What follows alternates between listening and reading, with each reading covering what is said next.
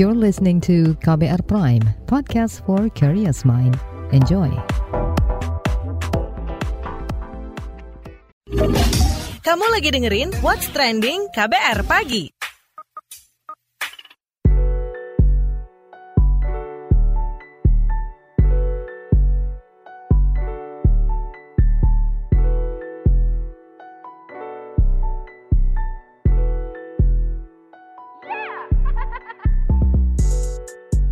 KBR Pagi, siaran pagi radio paling update. Selamat pagi. Apa kabar Anda hari ini di hari Senin 25 Juli 2022? By the way, di Hari Anak Nasional 23 Juli 2022, kasus perundungan jadi sorotan.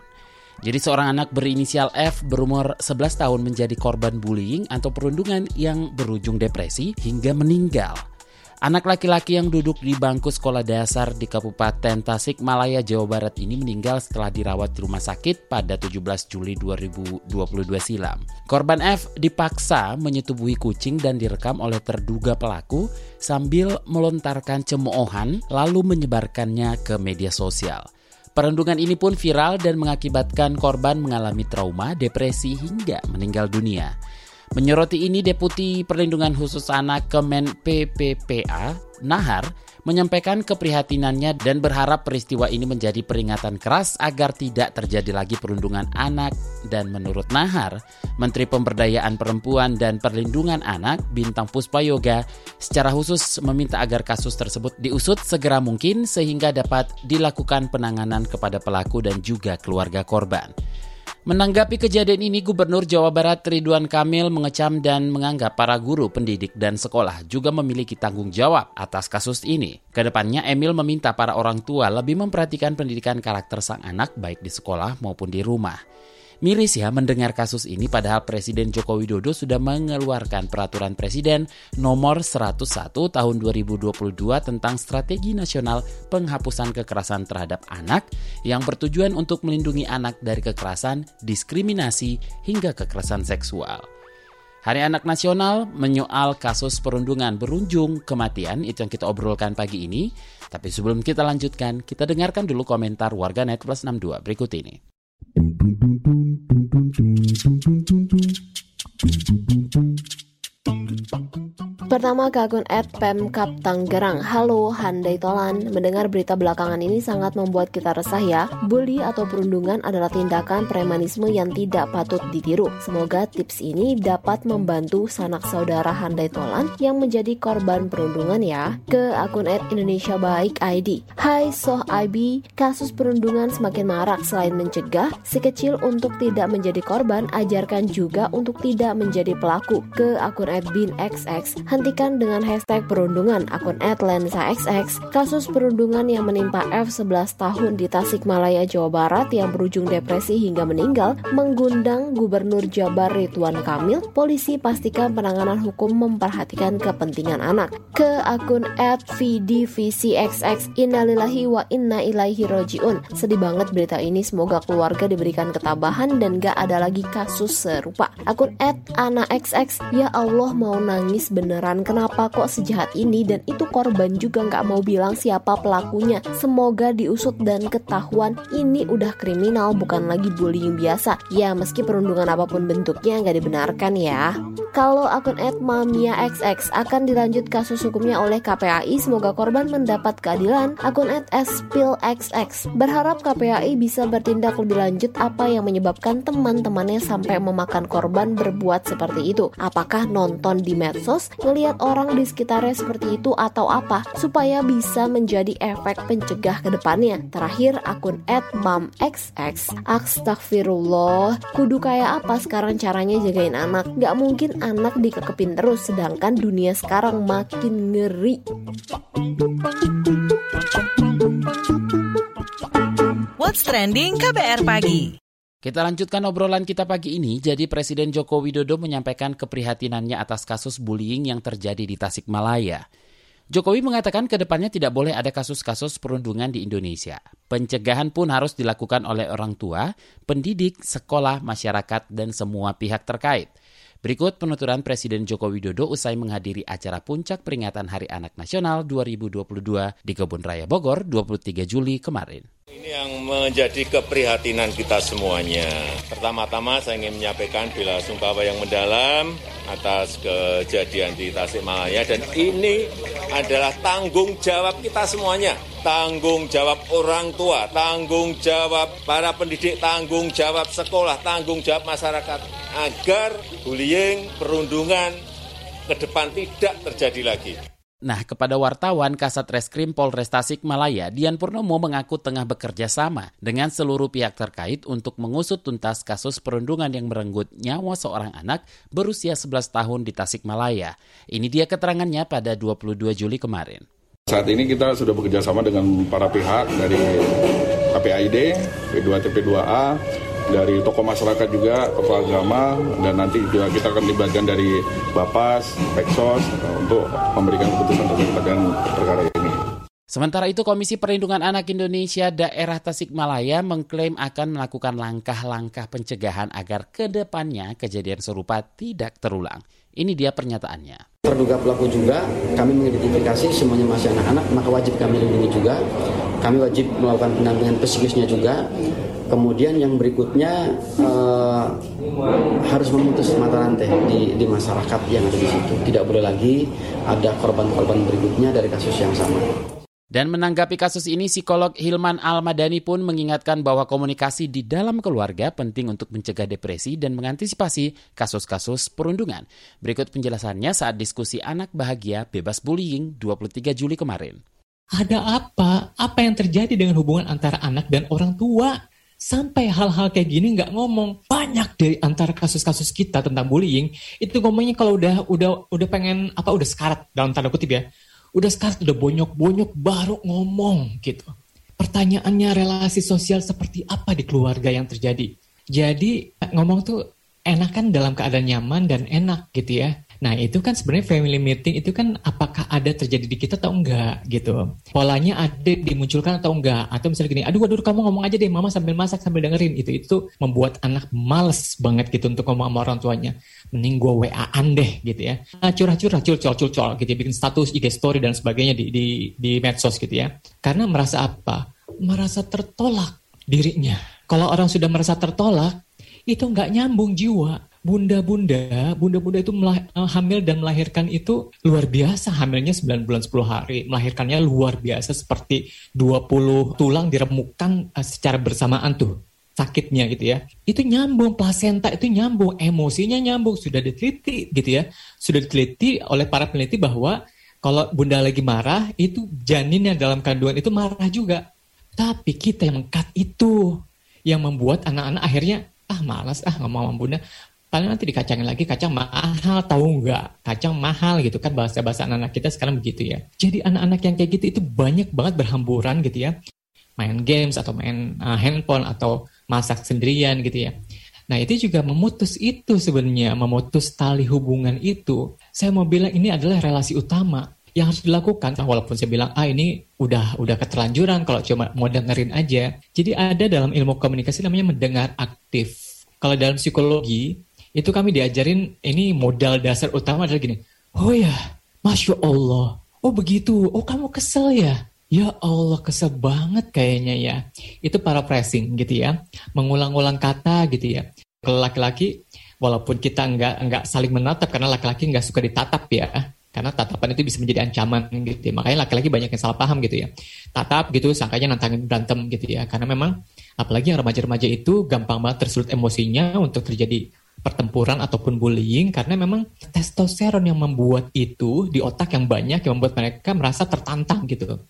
Izinkanlah anak-anak laki-laki itu kalau ngomong sama bunda atau ayah itu nggak menatap, tapi kita penuh perhatian. Oke, okay, hmm, makhluk kinestetik ya laki-laki jadi sentuh-sentuh, keplak keplak keplak keplak, ya, ini punggungnya atau apa gitu.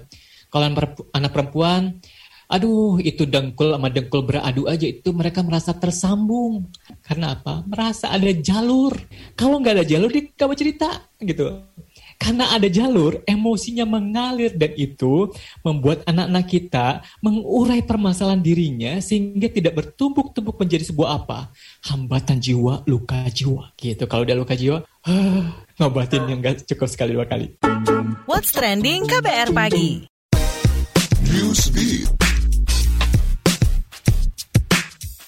Usai rapat kedua Komite Kedaruratan Organisasi Kesehatan Dunia WHO, Direktur Jenderal WHO Tedros Adhanom Ghebreyesus menyatakan cacar monyet sebagai darurat kesehatan global. Pernyataan ini berdasarkan penyebaran cacar monyet di 75 negara, di mana tercatat ada 16.000 kasus dan 5 kematian akibat cacar monyet. Meskipun begitu, Direktur Jenderal WHO Tedros Adhanom Ghebreyesus telah menyatakan cacar monyet sebagai darurat kesehatan global, dirinya masih belum bisa mencapai konsen sensus penggolongan cacar monyet sebagai darurat kesehatan global. Namun Tedros meminta dunia internasional memberikan perhatian pada penyebaran cacar monyet.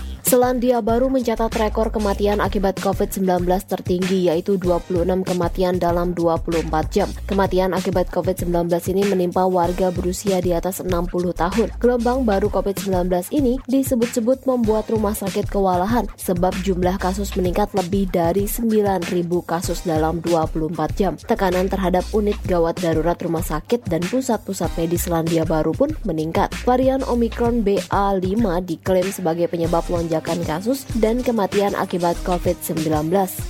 The Chainsmokers akan menggelar konser di luar angkasa pada 2024. Ini merupakan proyek kerjasama antar The Chainsmokers dengan perusahaan pariwisata luar angkasa Worldview. CEO Worldview, Ryan Hartman, menyatakan The Chainsmokers sebagai seniman pertama yang mengadakan konser di luar angkasa dan berharap mereka menjadi inspirasi artis-artis lainnya. Melansir Variety, grup musik elektronik itu menyatakan bersemangat dengan penampilannya di sebuah kapsul kapsul bertekanan dengan ketinggian sekitar 32 km di atas bumi. Lewat keterangan persnya, The Chainsmokers mengatakan proyek ini akan memberikan kreativitas dan inspirasi pada karya-karyanya di masa depan. What's Trending KBR Pagi Hari Anak Nasional menyoal kasus perundungan berujung kematian itu yang kita obrolin pagi ini. Nah, Ketua Komisi Nasional Perlindungan Anak Aris Merdeka Sirait menilai kasus perundungan di Indonesia sudah sangat darurat. Sebab kasus ini tidak hanya terjadi di lingkungan sekitar, melainkan sekolah, lingkungan pertemanan, lingkungan rumah, hingga di dalam rumah itu sendiri. Menurutnya penting adanya edukasi dan pencegahan yang lebih maksimal untuk mencegah kerusakan mental anak Indonesia akibat bullying atau perundungan. Lebih lanjut, kita obrolin aja bareng Ketua Komisi Nasional Perlindungan Anak atau Komnas PA Aris Merdeka Sirait. Bagaimana nih Bang Anda melihat kasus perundungan di Tasikmalaya yang menimbulkan korban jiwa? Dalam kerangka kepastian terhadap pelaku berusia berapa, itu sangat penting. Jadi Komnas Perlindungan Anak telah membentuk tim litigasi dan advokasi atas kasus ini yang dikerjakan oleh kantor perwakilan Komnas Perlindungan Anak Jawa Barat. Saat ini sedang melakukan investigasi pertama uh, tentang usia. Karena ini akan menentukan penyelesaiannya lewat pendekatan apa ya. Kalau misalnya dia ditemukan nanti bahwa pelakunya anak-anak berusia di bawah 12 tahun, maka merujuk Undang-Undang Sistem Peradilan Pidana Anak nomor 11 tahun 2012, maka itu ditangani melalui pendekatan diversi namanya, diselesaikan di luar pengadilan yang menghadirkan polisi, jaksa, orang tua korban maupun orang tua pelaku kemudian melibatkan Bapas atau pekerja-pekerja perlindungan anak termasuk Komnas Perlindungan Anak untuk memberikan satu keputusan bahwa pelaku ini diberikan sanksi berupa tindakan. Tindakan itu e, berupa dikembalikan kepada orang tua atau kepada negara. Nah itu makanya sangat penting untuk melihat batasan usia itu. Karena undang-undang SPPA itu mewajibkan itu. Artinya apa? Penyelesaian kasus anak yang berhadapan dengan hukum ini harus dilakukan dengan dua bentuk pendekatan. Satu pendekatan diversi maupun pendekatan keadilan restorasi. Nah itu keadilan restorasi akan dikenakan kalau si pelaku itu eh, berusia antara 14 sampai 17. Nah, kalau dia berusia 14 sampai 17 itu akan dilakukan pendekatan restorasi. Jadi artinya bisa dipidana. Tetapi ada batasannya tidak lebih dari 10 tahun. Tetapi yang 12 kan ini kan disinyalir an anaknya sebaya dengan korban kan. Korban itu kan 11 tahun. Oke, sudah seberapa urgent masalah ini di Indonesia? Apa sih yang jadi tantangan sampai terus berulang?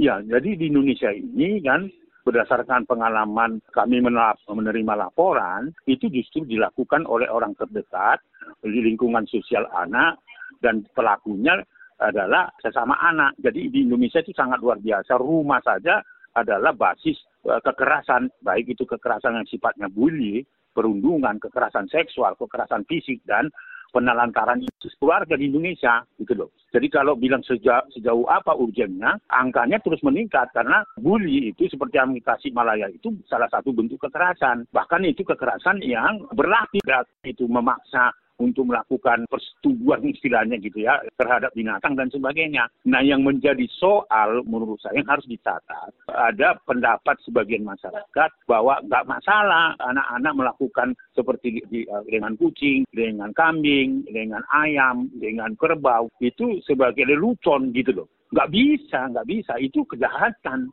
gitu loh. Itu perilaku yang tidak baik. Ada sebagian merespon kasus-kasus Malaya itu karena itu dianggap guyonan gitu dan seolah-olah boleh. Akibatnya kita kalau itu boleh. Ini loh anak kita yang di Tasikmalaya ini akhirnya meninggal. Dan itulah yang ingin kita investigasi apakah akibat perlakuan itu mengakibatkan stres, menimbulkan bakteri. Nah itu harus dilihat gitu. Ya, nggak bisa dia katakan bahwa itu diselesaikan secara kekeluargaan. Nggak bisa. Boleh dilakukan dengan pendekatan diversi itu. Walaupun itu tidak pendekatan keluarga namanya. Tetap pendekatan hukum tetapi dia tidak melalui pengadilan. Nah, sejauh ini bagaimana Anda melihat uh, pencegahan dan antisipasi kasus bullying? Sangat belum masih terjadi di mana-mana. Kan terjadi di rumah, kan malah itu dilakukan oleh lingkungan uh, dari anak itu berada. Belum lagi kita melihat angka-angka juga terjadi di sekolah. Ya, di sekolah-sekolah juga di antara sesama, sesama peserta didik. Ada juga bully dilakukan oleh guru kepada muridnya kan. Itu kan ada yang seperti itu mengumpat atau memberikan kata-kata yang dapat merendahkan martabat dari murid misalnya kan guru kan ada yang berperilaku seperti itu juga tidak jauh dari keadaan dan situasi meningkatnya kasus-kasus kejahatan termasuk bully itu. Perlu penanganan macam apa yang efektif? Ya saya kira kan masing-masing masing-masing tempat itu harus dilihat, dianalisis dan diberikan pendekatan-pendekatan berbeda kan. Di lingkungan sekolah misalnya ada melalui himbauan-himbauan, sosialisasi, SK Menteri Pendidikan dan sebagainya itu harus ditanamkan ada simulasi di sekolah-sekolah supaya itu juga terjadi juga di rumah dan sebagainya. Saya kira sudah harus dilakukan. Kalau sekarang ini kan hanya mengumumkan aja angka-angka nggak cukup, tetapi bagaimana setiap bulan ada simulasi ya, seperti seperti apa yang dilakukan di dalam pendidikan pramuka. Kan ada simulasi. Misalnya ada kebakaran, bagaimana caranya mengatasi. Kalau ada gempa, bagaimana. Kalau ada ancaman kekerasan seksual, apa yang harus dilakukan? Nah, ada simulasi-simulasi seperti itu. Nah, itu kan nggak terjadi gitu. Kalau itu dimulai dari sekolah, maka dia akan tentu akan berimbas kepada ke lingkungan rumah, akan berimbas ke lingkungan sosial anak kan. Tapi basisnya itu harus dilakukan bukan saja hanya ekstrakurikuler, tapi itu sekali sebulan ada simulasi itu. Di Hari Anak Nasional ini bagaimana kita seharusnya merefleksikan kasus-kasus ini? Ini kan menunjukkan bahwa potret buram anak Indonesia kan. Bayangkan ya di tanggal 23 Juli hari Sabtu lalu kan hari peringatan Hari Anak Nasional. Tapi sebelum hari itu, satu bulan itu kita penuh dengan informasi-informasi dan kasus-kasus yang diperhadapkan di tengah-tengah masyarakat yang viral kan termasuk yang dengan dengan kucing ini toh. Ada juga di Bekasi anak ditelantarkan, dipasung, tidak dikasih makan, alasan karena ABK dan sebagainya. Kemudian terjadi di sekolah Selamat Pagi Kota Batu Malang yang yang terdakwa eh, menjadi predator kejahatan seksual terhadap muridnya. Di Jombang juga begitu ya. Di pondok-pondok pesantren, di Depok, di Jombang, di Banyuwangi, di Garut dan seterusnya itu kan mewarnai persoalan-persoalan sebelum kita memperingati Hari Nasional yang kemarin. Itulah sebenarnya sebuah reaksi yang sangat cepat yang dilakukan oleh presiden ya sebelumnya itu kan ada seminggu saya kira presiden mengeluarkan surat keputusan presiden untuk mekanisme bagaimana menangani anak-anak korban-korban kekerasan. Nah kemarin di dalam diskusi atau uh, penjelasan kepada media presiden menyikapi kasus kasus Malaya, kasus kasus bentuk-bentuk kekerasan di lingkungan sekolah dan di tempat-tempat lain. Itu menunjukkan bahwa inilah potret anak Indonesia. Jadi kalau kita mau bicara anak terlindungi Indonesia maju sesuai dengan tema Hari Anak Nasional, Maka ini diperlukan sebuah komitmen bersama bangsa ini supaya apa? Supaya Indonesia itu maju, ya tentunya kita harus memberikan langkah-langkah bersama eh, terhadap persoalan-persoalan anak yang ada. Karena sekarang ini potret buram. Ya. Saya mengatakan tidak boleh potret buram pelanggaran terhadap anak di tahun 2022. Terima kasih Ketua Komisi Nasional Perlindungan Anak Aris Merdeka Sirait. What's trending KBR pagi? Commercial break. Commercial break. Ada kesedihan, air mata, dan trauma. Namun ada juga gelak tawa, bahagia, dan rasa bangga. Cerita kehidupan manusia adalah perjuangan dan pembelajaran.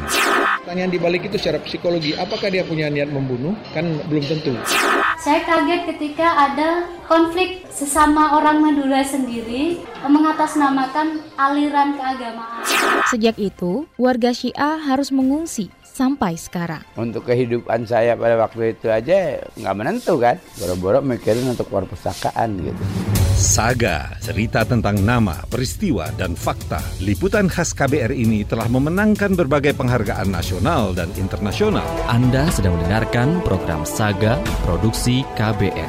Simak di program Buletin Pagi pukul 6 waktu Indonesia Barat, Buletin Sore pukul 16 waktu Indonesia Barat, dan KBR Pagi pukul 7 waktu Indonesia Barat. Dengarkan Saga di radio jaringan KBR di Nusantara atau streaming di kbr.id. Saga juga hadir dalam bentuk podcast di kbrprime.id.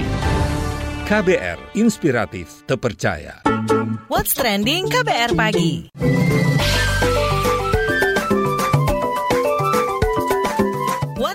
Indonesia. WhatsApp Indonesia dimulai dari Nusa Tenggara Timur. Presiden Joko Widodo meminta penataan kawasan Labuan Bajo di Manggarai Barat, Nusa Tenggara Timur harus dilakukan secara terintegrasi. Hal itu disampaikan Jokowi usai meresmikan sistem penyediaan air minum atau SPAM WMAC 2. SPAM WMAC 2 merupakan bagian dari penataan infrastruktur pendukung pariwisata di Labuan Bajo. Sistem penyediaan air minum atau SPAM WMAC 2 dibangun dibangun dengan nilai investasi mencapai 159 miliar rupiah. SPAM ini ditargetkan bisa menyediakan kebutuhan air minum masyarakat di Labuan Bajo sebanyak 8.000 sambungan rumah atau setara 40.000 jiwa. Sebelumnya Presiden Jokowi juga meresmikan sejumlah infrastruktur pendukung pariwisata lainnya di Labuan Bajo seperti perluasan bandara, penataan kawasan di Pulau Rinca, penataan kawasan Marina Labuan Bajo, dan sistem pengolahan sampah Warloka. Selanjutnya menuju Nusa Tenggara Barat. Kuota kunjungan alam pendakian maupun destinasi wisata non-alam non-pendakian di Taman Nasional Gunung Rinjani, NTB bakal kembali diberlakukan 100% dari sebelumnya 75%. Kepala Balai TNGR Dedi Asriyadi mengatakan aturan kuota baru tersebut mulai diberlakukan Rabu 27 Juli 2022. Kebijakan ini dikeluarkan mengingat kondisi pandemi COVID-19 di NTB terus melandai. Kepala Kepala Balai TNGR Dedi Asriyadi menambahkan, penambahan kapasitas kuota hingga 100% juga untuk menggeliatkan pelaku wisata di sekitar Rinjani. Kata dia dengan semakin banyaknya angka kunjungan ke TNGR, maka pelaku usaha pariwisata juga akan mendapatkan manfaat ekonomi yang besar pula. Khusus untuk wisata pendaki Rinjani, ada enam pintu masuk yaitu jalur pendakian Senaru dengan kuota 150 orang per hari, jalur pendakian Timbanu dengan kuota 100 orang per hari, kemudian jalur pendaki Sembalun 150 orang per hari, jalur pendakian Torean 100 orang per hari, dan jalur pendakian Tete Batu 100 orang per hari. Gunung Rinjani adalah gunung berapi kedua tertinggi di Indonesia. Lokasinya berada di Pulau Lombok, Nusa Tenggara Barat, NTB. Terakhir mampir Yogyakarta, DIY mendapatkan penghargaan pada bidang permohonan hak cipta terbanyak dan permohonan pendaftaran merek terbanyak di Indonesia dari Kemenkumham RI. Kemenkumham Yasona Lauli mengatakan penghargaan ini diberikan karena DIY mampu menumbuhkan kreativitas dan inovasi kekayaan intelektual dalam rangka pemulihan ekonomi nasional. DIY menduduki peringkat 5 untuk permohonan hak cipta terbanyak dan nomor 8 untuk permohonan merek se-Indonesia. Indonesia. Yasona mengapresiasi gerak cepat Pemda DIY dalam mengawasi proses pendampingan dan pendaftaran HKI atau hak cipta intelektual. Ia menilai Pemda DIY mampu memberikan penghargaan terbaik kepada mereka yang mampu berkreasi melalui didirikannya Balai Pengelolaan Kekayaan Intelektual di DIY. Dorongan pendaftaran HKI menurutnya sangat erat kaitannya dengan pertumbuhan ekonomi nasional. UMKM misalnya harus mendaftarkan mereknya agar tidak menjadi sengketa. Sementara itu, Gubernur DIY Sri Sultan Hamengkubuwono X